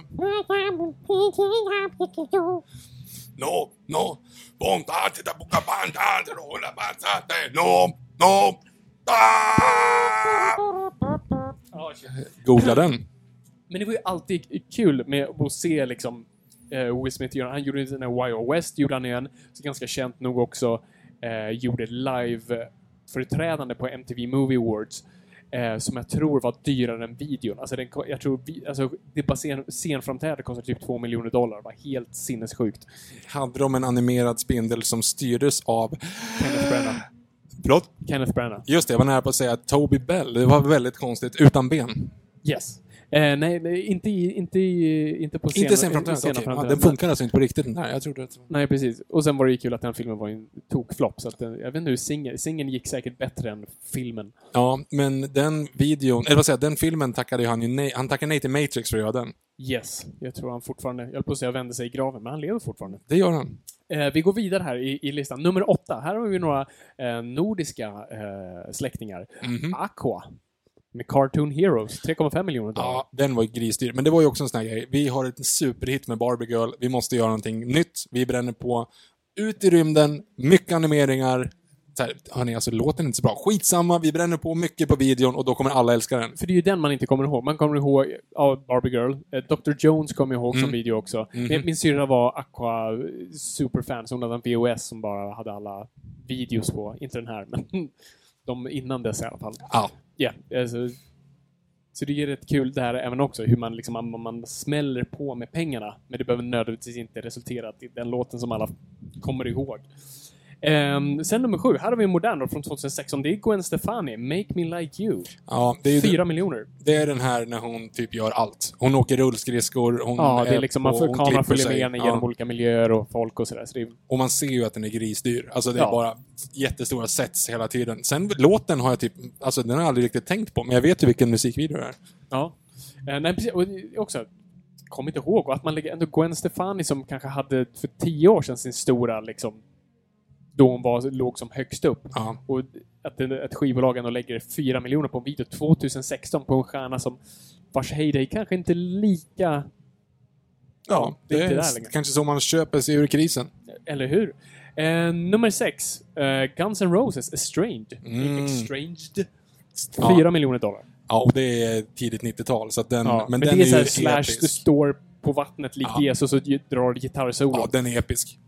Det är bra. Det är men bra. vad är det mer som kostar pengar i det? Nej men det är mycket, alltså alla, alla deras videos eh, var ju liksom, det, dels har du ju live-grejerna på de som sjunger och det ser ju, alltså det är ju inte så att de har en konsert utan de har dragit dit folk för att göra det här, för att göra den här videon. Ja. Och så klipper de mellan de här liksom, det är mycket kameraåkningar, det är mycket stora, de har det här stora stridsskeppet i Strange ju. Ja, För de är ute liksom och. Ja, den, men den, eh, den är bra. Ehm, ja, inte lika bra som November Rain, men ändå. Det kan ju vara positivt. Det kan... Absolut. Ehm, på nummer fem då så har vi eh, Michael Jackson. Black and White. Här kommer han in första gången. Den han står och dansar på Frihetsgudinnan. Dansar han på Ja, Frihetsgudinnan? i han dansar i massa olika situationer i alla fall. Ja, men han står uppe på Frihetsgudinnan. Alltså den är ju animerad, men han, man, han står och liksom så här, du vet. Nu härmar jag Michael Jackson och jag känner att dels är det väldigt dåligt härmat och dels så ser de flesta här Här ute i radio. ju, här är ju lite mer visuellt för att det är faktiskt folk som är här Det står faktiskt det. folk utanför ingen tittar in, men ändå, det är ändå en, en positiv grej. Eh, men han står och dansar och gör sina moves till eh, Ja, men man ser bara en bakgrund och zoomar ut så står han på Frihetsgudinnan. Och sen så har du alla inzoomningar på massa kändisar. Ja, som, som då går... It's black, it's white. Och så vrider de på huvudet och så blir Vilket det är en ny väldigt bra person. animation. Jättesnyggt. Jag är hundra på att det är Industrial Light and Magic som ligger bakom det där. Det kan det vara. Jag på, det påminner också lite grann om eh, Stockholms kyss med Lars Winnerbäck. Inga jämförelser i övrigt. Ja, jag kan inte... Är det någonting där också? Folk transformeras till varandra? eller? Nej, de transformeras inte, har klipper för de har inte budgeten. Men det är ju samma sak, det är också bara en inzoomning på person, så står de och sjunger med och så är det så här Ja. nya personer hela tiden. Typ Micke Nyqvist dyker upp och sånt. Ja, okej. May he rest in peace. Men det här var då eh, John Landis som regisserade, så det var hans andra eh, samarbete med Mark Jack. De har ju tidigare gjort Thriller tillsammans, och här var då eh, nummer två, så de tog in honom igen. Och eh, det som jag tycker är kul här, det är en helt annan. Det är inte att de försöker göra Thriller igen, utan en helt annan... Vad ska man säga? Det är som en helt annan story, det är som en helt annat media. Det, det, det, det är ingenting i likhet med det. Mhm. Så det tycker jag är kul, liksom, visa på John Landis som en duktig regissör. Mm. Eh, fyra miljoner kostar redan. Sen på nummer fyra, nu, nu kommer en stjärna dominera ganska hårt här. Okej. Eh, på nummer fyra så har vi Madonna med Bedtime Story med fem miljoner dollar. Poe. Eh, vänta, Bedtime Story. Vilken av dem är det då? Den är väl lite där på 90-talet, hon typ ligger i vatten där. Ja, just det. Ja, just det. Men det är lite rysk. Jag får mig att det är alltså, rysk. Just det, den med ryska danser och så ligger hon i vatten och så tittar hon upp på månen och det är en massa snubbar som tittar ner på henne och... Ja, lite senare Madonna. Eller senare. Nu är det ganska Ja. sent Mad- Madonna, men 90-tals Madonna. Ja, det är lite senare, typ 30 år sedan. Eh, och sen nummer tre har vi Madonna igen med Express Yourself på 5 miljoner dollar, som är regisserad av David Fincher. Som också påminner väldigt mycket om, inga jämförelser i övrigt, men eh, Apple-reklamen. Du vet när de gjorde den där som var helt... Eh, 1984. cool. Precis. Som Alltså också är, Nej, det är inte David Fincher, jag blandat ihop det, men det är Ridley Scott. Precis, för det är lite samma stil. Alltså de här, de står upp och det är typ generaler som tittar på... Förvisso är det lättklädda, vältränade män som typ bara gör armhävningar och push Alltså armhävningar och push-ups, samma sak. Armhävningar och den där andra, nu rör med magen, jag kommer inte ihåg vad den heter. Och, vilken mage? Sit-ups. Ah, Eh, eh, så att det är egentligen, det är inte riktigt så här, jag vet inte vad de gör, om de försöker liksom typ hugga ved, alltså jag vet inte. Men i alla fall, det är det är det de handlar om. Ja. Eh, och sen har vi då på nummer två, och här är då, här är en stor, ja, här är en stor suck. Okej. Många som har lyssnat på den tidigare vet, jag är ett stort Bond-fan. Eh, ja. Eh, och på något sätt en av de största misstagen som har begåtts, period, första världskriget, eh, skotten i Sarajevo och Die Another Day. Eh, det är alltså Madonnas Die Another Day. Är den så, är den så dyr? Ja, det är klart, den är dyr. Den kostar alltså 6,1 miljoner dollar. Men det måste ju ha att göra med att de visste att de skulle göra... Alltså filmen är påkostad, filmen kommer bli liksom en hit oavsett, så vi trycker ut det här och så bara pumpar MTV den. För den gick ju oerhört mycket på MTV. Det är den hon fäktas med sig själv. Hon är vitklädd och svartklädd precis. så fäktas och, och liksom använder sig av Bond och Bondskurkars gamla vapen som kastar Oddjobs hatt. Hon Ja, använder, eh, vad, vad heter det när man skjuter iväg en, eh. Armborst, inte armborst, men eh, den andra under vatten. pilbåge, Under harpun. Vatten. Harpun från Thunderball, alla sådana där grejer. Eh, och sen, men man måste ändå klippa lite med Diana the Gay Diana Day-grejer, vilket är att hon blir torterad. Ja, just det. Med skorpionerna. Fast inte av nordkoreaner, utan av andra snubbar. Sig själv, typ. Ja. Ja, just det. Det, den det är en värdelös video, en värdelös låt i en värdelös film. Ja, ja. Och det är lite så sorgligt så här, men det är såna här musikvideos som man tänkte ja, men den här kommer försvinna. Det kommer försvinna ut i tiden, vi glömmer det här, det är ett stort misstag. Men den kommer finnas på listan nu som topp 10 dyraste. Och det är nummer två som sagt, så det är inte som att den kommer puttas ut snart, utan det kommer ta ett jävla bra tag. Det är nog inte många, i alla fall inte nio artister som lägger över fem miljoner dollar på en ny musikvideo de närmsta åren. Nej, för att eh, senast det hände var fortfarande Michael Jackson vill Så för nummer ett är Michael Jackson och då Janet Jacksons Scream, Just det. som kostar 7 miljoner dollar. Men det måste ha att göra med att det är så mycket dataanimering och att dataanimering var grisdyrt på 90-talet. Mhm. Ja, men det- det, det måste verkligen varit det. Nu kommer jag inte ihåg vilket år det här är, men det känns som typ 97? Nej, förresten, det här är ju nästan... Det är inte det här 2000, det är tidigt 2000 måste det vara. Nej, det är nej. Är det inte det? Nej, just det, det är då när han är ute och slåss. Nej, förlåt. Ta tillbaka Ute allting. och slåss? Ja, det finns en, en musikvideo när han gjorde en låt som ingen kommer ihåg. Han är ute och fightas. Han är... Det var då han ville vara Jar Jar. Jag. George och Spiderman. Han ville vara Spiderman. Han ville ha. Spiderman också, just det. Han, ville, han köpte ju rättigheterna till Spiderman, eller ville han köpa rättigheterna till Han Spiderman? ville, han var nära att göra det Ja. tror jag, men det blev ju aldrig av. Tack gode gud. För Ahmed Best som spelar Jory har ju berättat i, i podden Hours There Too när han träffade Michael Jackson och där han var jätteglad att träffa allihopa och sen så presenterade George Lucas honom som oh, this is uh, Ahmed, he's, uh, he's playing here." Och eh, han blev skitsur typ. För att också han misstänker att George bara tog dit honom för att markera att Jar Jar has been cast. Ja, att han ville seriöst också. Det är kul. Ja. Nej, så, ja, precis. Så det, det, det, det är typ datanimationer, det är lite så att de svävar i rymden, men jag kan inte se det för det är ändå i en slags miljö. De måste åkt upp till rymden på riktigt typ. Alltså, men det, är måste ju inte- vara att Michael Jackson och Janet Jackson bara fick alla pengar. Ja. De slukar upp alltihop. Kul också att de ville liksom, ta betalt för en egen musikvideo i så fall. Men det har vi inga belägg på överhuvudtaget. Nej, vi bara spekulerar vilt. Är podden i ett nötskal. Oh ja, men nu går vi över på favorit. Nu vet vi vilka som är dyra, men vilka är dina favoriter för mig? Shit, okej, vi sätter upp topp fem, så jag tycker vi kör varannan. Will do. Okej, så att på nummer fem här, det, den jag valde, det är mer en honorable mention än faktiskt en någon Men jag kommer ihåg den här, varje gång den dök upp på MTV så, så, så kollade jag igenom den och det var någon jag alltid önskade, särskilt när jag var yngre. Och det var då One More Time med Daft Punk. Mm, just det. Jo, men det kommer jag ihåg. den det var... manga, eller anime-inspirerade med, med, med då det här fiktiva bandet då. Just det. Eh, och det var en story genom flera musikvideor. Det börjar med One More Time och, och den slutar ganska mörkt och sen följer vi upp det. Eh, jag tyckte den bara var så satans cool och lite Mm. obehaglig. Det är lite samma sak som den eh, Eiffel 65 med Blue. Det var också Ja, blåa just män det. uppe i rymden som slogs. Det var, men det var dock 3D-animerat. Ja, jo precis. Men det var lite grann samma stuk. Jag tror att den var ungefär samtidigt. För man tänkte att, är det... Ja, jag det- vill ju alltid se Blue och så råkade ju eh, eh, Daft Punk komma igång istället. Det var så, åh! Ja, men den tyckte jag riktigt mycket om. Jag vet inte varför, men det, det på något det, det jag längtar alltid efter att få se dem. Särskilt när de visade så klassiker på MTV så var det så här, ja, kommer den dyka upp? Eh, bara brasklapp här. Eh, här till är jag nödd och tvungen. Jag tycker inte att vi ska storma stäket och avsätta Gustav Trolle så att jag klarar mig undan Stockholm blodbad. Eh, det här är alltså de eh, avsnitten, eller de här eh, videorna som personligen är favoriter. Det vill säga att de är absolut inte bäst, men det är de man kanske har en bäst relation till. Fy fan vad utdaterat det här blir för er som lyssnar och inte vet vilka vi är. Hur som helst, min femma är Meatloafs eh, I would do anything for love. Eh, det är också en sån sak som man satt på, såg massa gånger på VH1 och tyckte att den var hur bra som helst. Eh, Så det var... det- Den är ju baserad lite så här skönheten och odjuret-esk. Alltså det är en stormning av slottet Ja, och Meatloaf sitter där ut, i sminkad liksom som Ja, han är odjuret. sminkad. Jag Han är sminkad som jag, jag, odjuret. jag trodde Ja. bara det var Meatloaf. Nej, nej, nej. Eh, enda redeeming featuren med filmen Sausage Party, som i övrigt var värdelös, men de hade en, eh, en köttfärslimpa som sjöng I would do anything for love igen. Är Vilket är ett bra skämt. Ingenting annat i den här filmen är redeeming, men det är ett bra skämt.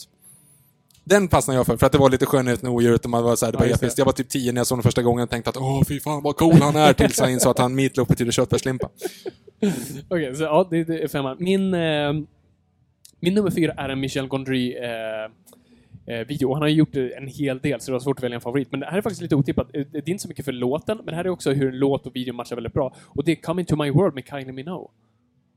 Eh, typ, eh, ah, jag vet inte. Kommer du ihåg när Det är Kylie Minogue som, som går ut från en affär och hon går runt i en cirkelkamera, följer henne och det är då vid en korsning så det är massa det är massa saker som händer. Vi ser en, en moppe trilla, vi ser någon kasta ut en eh, madrass ut genom ett fönster och sen när hon kommer tillbaka där hon började så kommer det ut en till Kylie Minogue och till slut, hon går flera varv tills det då är typ fem Kylie Minogues som då agerar med varandra och, och alla då som är på gatan har också dubblerat. Så det är dubbelt av allt. Så det är en koreografisk clusterfuck av mardröm som är otroligt vacker och jag vet inte hur, fortfarande hur de har gjort det. Man, sitter, man blir så hypnotiserad av den och bara inslukad. Och okej, vi får kolla på den här Nej, jag låten ska göra visst när cool Ja, shit. Ja, häftigt. Mm. Kul. Eh, min eh, fyra, Tina Turner. Eh, Simply the best. Den... Jag börjar se ett tema här. Ja, ja, men det är ju, det är ju VH1-hits allihop typ. Nej men nästan, inte nästa. Nej men alltså det är den här typen också. Det, det vet, ett mörkt, mörkt rum, Tina Turner, bakljus, liksom. Bakljus, vad betyder det? Ljus bakifrån, så hon, man ser siluetten hon står och liksom kör sina så här, Tina Turner moves. För övrigt en av de bästa konserterna jag sett någonsin, Tina Turner på Globen. Ehm, och sen så klipper man henne och en svart hingst som står och gör typ samma moves. Alltså lite så här... eh, Datanimerad eller Nej, nej, man bara riktig. tränat den? Nej, alltså det är en typ som att den... Dresserad häst. Ja, det är dresserat. Alltså den typ utför dressyr. Den stampar lite grann i det är takt mer som att Tina. Turner har matchat sig till vad hästen kan, Det, ja, eh, Tina Turner hästdansar. det, är, ja. det är en hashtag. Hästdans. Hashtag Noipod. Hashtag Noipod. Ja, det var min eh, fyra. min nummer tre, det, nu börjar vi komma... Ja, det här är kanske en sån här... Den kommer väl alltid upp som en sån här klyschig sån, men det är Weapon of Choice med Fatboy Slim. Ja, just det. Regisserad av eh, Spike Jones. Mm. Ehm, där vi då har Christopher Walken i ett hotell som dansar för att han hade en bakgrund i dans, vilket typ ingen visste om. Och eh, det är en otroligt ball dans, det är otroligt coolt, att ännu en gång hur vi matchar med musiken. Det, det är inte sådär, det är inte som att han rör sig särskilt graciöst, men det är på något sätt de, de har format koreografin efter vad han kan göra, men det ser fortfarande väldigt bra ut och ibland är det väldigt konstigt. Och det slutar med att han bara åker runt och flyger. Det är en väldigt flipparen, men otroligt fint filmad och, och stadiga kameravinklar som, som rör sig med honom. Jag tycker den är otroligt. De spoofade ju den med Mikael Persbrandt. Men var det Folksam, eller vad var det? Ja, herregud. Det är så, typ Sverige ett nötskal. Ja, det där funkar. Vi tar det. Ska vi inte ha någon idé om vi ska så här, ska vi di- differentiera? Det är ju gjort. Tror du inte att någon har sett den där? Ingen, ingen har sett den, jag lovar. Ja, men det är en av de kändaste musikvideorna i världshistorien. Kan det verkligen vara? Ska vi ta Du är sam- avskedad. Okej. Precis. En scene. Där, det var ju så det var. Yes. Så den tycker jag väldigt mycket om. Min trea är en film sån här som också var mer ur ett personligt perspektiv också, när man satt och stirrade där på MTV och kände att den här Hoppas den här kommer. För då kan man leka, man kan ta fram eh, sin Sega Mega Drive-kontroll och låtsas att man spelar spelet till Red Hot Chili Peppers Californication. Ah, när du har eh, allting Det var animerat som i någon sagt form av- GTA... Ja, esk. aktig, ja. ja. precis. Eh, Förutom Väldigt, att de inte mördar människor. Precis. Den var för att man tyckte att ah, det här kan man göra. Jag undrar om det här spelet finns på riktigt och det borde göra det, fast det hade inte sålt överhuvudtaget. Men i alla fall, det var en sån som jag kommer ihåg som man fastnade för. TV-spels-Viktor tyckte den var väldigt bra. Ja. Eh, Min två då är... Det, det är inte så mycket att det är, det är världens bästa video, men eh, nummer ett, jag gillar låten väldigt mycket, och nummer två, jag tror det är den enda som är regisserad av Paul Thomas Anderson. Eh, Och det är då Amy Mann med Save Me, som var då låten till Magnolia som kom det året, som blev Oscars-nominerad. Och det de i stort sett gjorde var att de såg till att spela in den här videon under tiden de spelade in filmen. Så Tom Cruise är med, Julian Moore är med, eh, Philip Seymour Hoffman är med. Jag tror jag aldrig sett sån cool cast i en, och det är bara egentligen att hon sitter bredvid dem eller mittemot dem och sjunger den här låten. Det är bara stilla, eh, det är det är bara fasta kameravinklar som ibland kanske panorerar eller rör sig framåt. Det är väldigt minimalistiskt. Men det är Paul Thomas Anderson bakom, det är hans fotograf, det är hans sätt- att rama in bilder. Och det är otroligt bara hypnotiserande och fin och bara till en otroligt bra låt. inte ens hört talas om, så att det var ju dumt av mig. Min två, eh, lite väl, eh, man ska säga, populistisk, men det är ju Michael Jacksons thriller. Alltså, du kommer inte undan den. Eh, det är liksom, han såg American Werewolf in London och så sa han liksom, Gör det. den regissören, jag vill ha samma sak, do it, make it happen. Och du har fortfarande dansen som man det är någon öl till innan man ska börja liksom få ut det på dansgolvet med de här händerna uppe. Så. Ja. Um, spelade för övrigt uh, Super Nintendo-spelet också, Michael Jacksons Moonwalk, när man kunde ha det som en move, att man liksom typ slogs mot... Oj, var det ett spel? Ja, det var jättedåligt. Men då kunde man i alla fall slå någon kod och då spel, gjorde han thriller-dansen och då, då exploderade alla fiender. Vad typ. var uppdraget där? Jag kommer inte ihåg. Du skulle ju rädda barn. Alltså det var en, jag kommer inte ihåg. Jag, Ja, det, det, var ju bra för a change. Ehm, ja, det var din nummer två. ja, Det är min nummer ett, det är Thriller. Alltså, ju, Ja. Det var den videon jag verkligen växte upp på. Eh, och jag är ett stort John Landis-fan, så den har också följt med mig sen. Alltså att man har sen sett en amerikansk varulv i London och man är ett stort fan av honom, Blues Brothers och allt det där. Och den tycker jag på något sätt åldras så himla fint. Den fortfarande håller. Jag tycker man, det, alltså man såg mediet utvecklas på ett helt annat sätt. Man såg också att John Lands, här är också en, en kamp mellan eh, musiker och regissör. För här har du musikern som har gjort den här låten som är bara en av de bästa plattorna någonsin. Eh, producerad av Quincy Jones. Eh, och sen har du då John Landis som då i stort sett säger, ja ah, men vet du vad, jag, jag, jag, vissa delar gillar jag inte. Jag plockar bort dem som väljer sina favoritdelar i låten, drar ut vissa delar, trycker ihop andra och formar låten till sin story. Och det matchar. Och han har ju pratat om att han tycker det är rätt kul att- att se folk dansa till Thriller-låten. För att folk är mer vana vid musikvideon än själva låten, så folk väntar på The Zombie Dance men den kommer aldrig. Ja, för den är typ så fem sekunder lång i eh, själva låten, men det är ett minutsegment i själva videon. Ja, men det, det är en fullkomlig klassiker. Rick Baker står bakom sminket som de gjorde i American World for London, använder samma teknik men har förbättrat den lite och är det, jag tycker det är en otrolig bara hyllning till filmmediet överlag. Älskar jag håller med. Jag har några honorable mentions dock. Okej, go! eh, som vi kör innan. Eh, och där har du ju eh, Beautiful Stranger Madonna för att den var liksom Du vet, man älskade Austin Powers. Yes. Eh, också en av de tidigaste, sådana som man kommer ihåg att man verkligen letade efter, det var Eminems Stan. För det var den typ första som, som var lite filmisk och man förstod den och sa åh gud, den här är typ djup. Och så bara, det var den inte egentligen, men du vet, man var 11. Eh, Lonely Islands Jack Sparrow. Ja, bara för att jag under en period jobbade som pirat. True story. Jag åkte omkring runt om i hela Sverige, utklädd till pirat, dansade på bardiskar och eh, delade ut nycklar till folk som skulle låsa upp den här kistan jag hade med mig i alla fall. Och då så hade vi en, in, en låt som vi skulle gå in till och typ sjunga. Den låten funkade inte alltid för att det kunde vara lite olika här, att det var någon som inte Och hade ni en fick väl inte skivspelare. för, för blandas med Jack Sparrow? Nej, men det var det. Då använde vi Jack Sparrow istället. För att liksom så här, till att den skulle gå ut och köra. Så det var en, en sån, en associations, positiv association, plus den är väldigt bra. Ja. Eh, och sen så Robbie Williams Rock DJ, för att det var den första gången man liksom Oh, såg att det var typ en barnförbjuden citationstecken. När han började klä av sig och bli ett skelett. Mm. Eh, hur som helst, min etta. November Rain med Guns N' Roses. Där har du också praktexemplet av eh, VH1 Hit. Nu måste jag säga, vänta, vilken är det här? Det är den han står, han är först på, han gifter sig. Och så står han och sjunger liksom Ja, till den här som, eh, och sen så Framförallt, det som är, det, är ett bröllop som övergår i en begravning. Så man står att man tänker att det ska vara den här och så, så börjar det regna och det är tragiskt. Men, du har Slash mitt ute i öknen som står framför en sån här övergiven på västernskylta. Han står inte på sand. vatten, han står på sand. Vilket var helt revolutionerande. Nej, men, och den här liksom, kameraåkningen han står där och ser så cool ut. Och sen så kan det vara påverkad av att jag precis såg dem på Friends Arena och det var typ utomkroppsligt. Okej, så Eh. det är, typ en, ett nytt tillägg? Nej, gud nej, men alltså det var ändå så här, det, man, så kom man ihåg där och så fick man den flashbacken och det var för jättebra och så kom man på att jag borde inte reagerat så här för jag är egentligen inte så jättestort Guns N' Roses-fan, men när de stod där rygg mot rygg så började jag gråta. Eh, gjorde också det under Glenmark Eriksson Strömstedt-konserten på Borgholm, så att det säger inte jättemycket om Ja, mig. vi, vi grät i varandras famnar på den. Oh ja!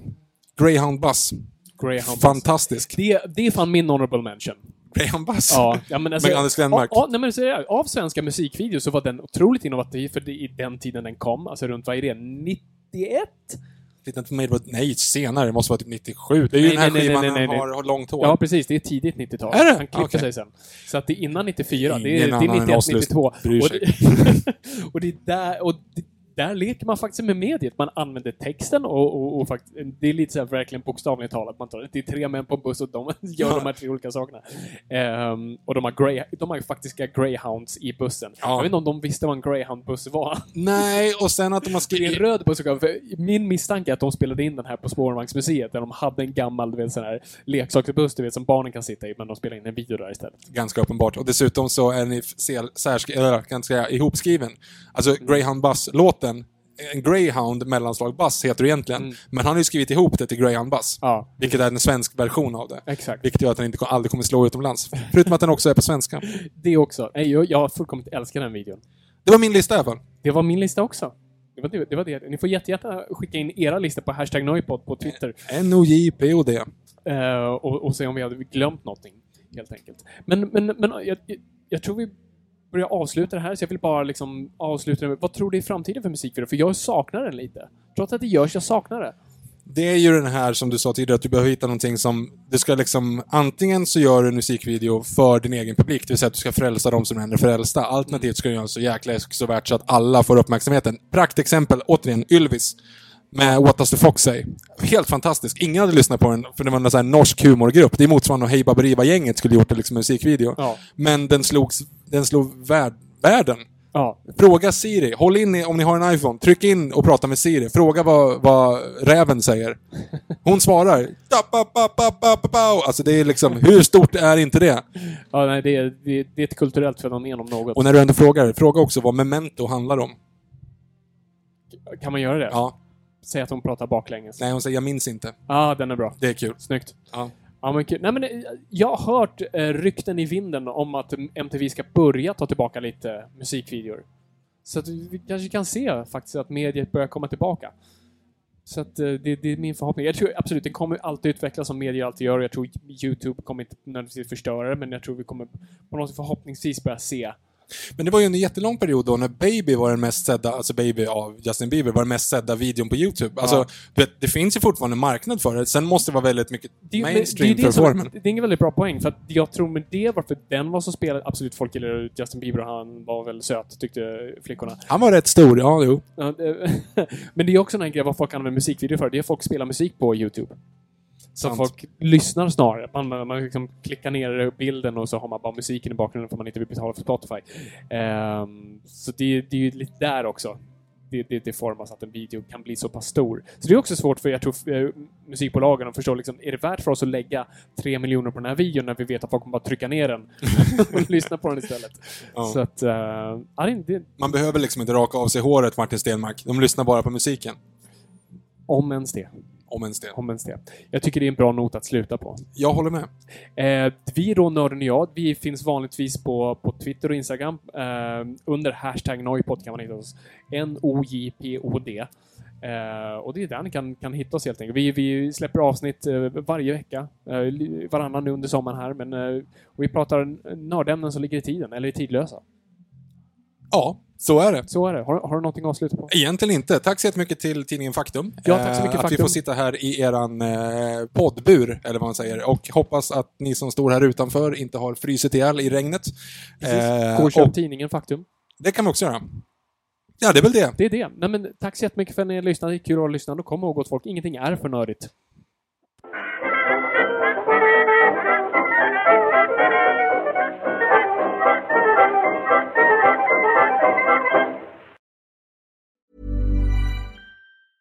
Planning for your next trip? Elevate your travel style with Quince. Quince has all the jet setting essentials you'll want for your next getaway, like European linen, premium luggage options, buttery soft Italian leather bags, and so much more. And is all priced at 50 to 80% less than similar brands. Plus, Quince only works with factories that use safe and ethical manufacturing practices. Pack your bags with high-quality essentials you'll be wearing for vacations to come with Quince. Go to quince.com/pack for free shipping and 365-day returns. Imagine the softest sheets you've ever felt. Now imagine them getting even softer over time. That's what you'll feel with Bowl and Branch's organic cotton sheets. In a recent customer survey, 96% replied that Bowl and Branch sheets get softer with every wash. Start getting your best night's sleep in these sheets that get softer and softer for years to come. Try their sheets with a 30-night guarantee. Plus, get 15% off your first order at bowlandbranch.com. Code BUTTERY. Exclusions apply. See site for details.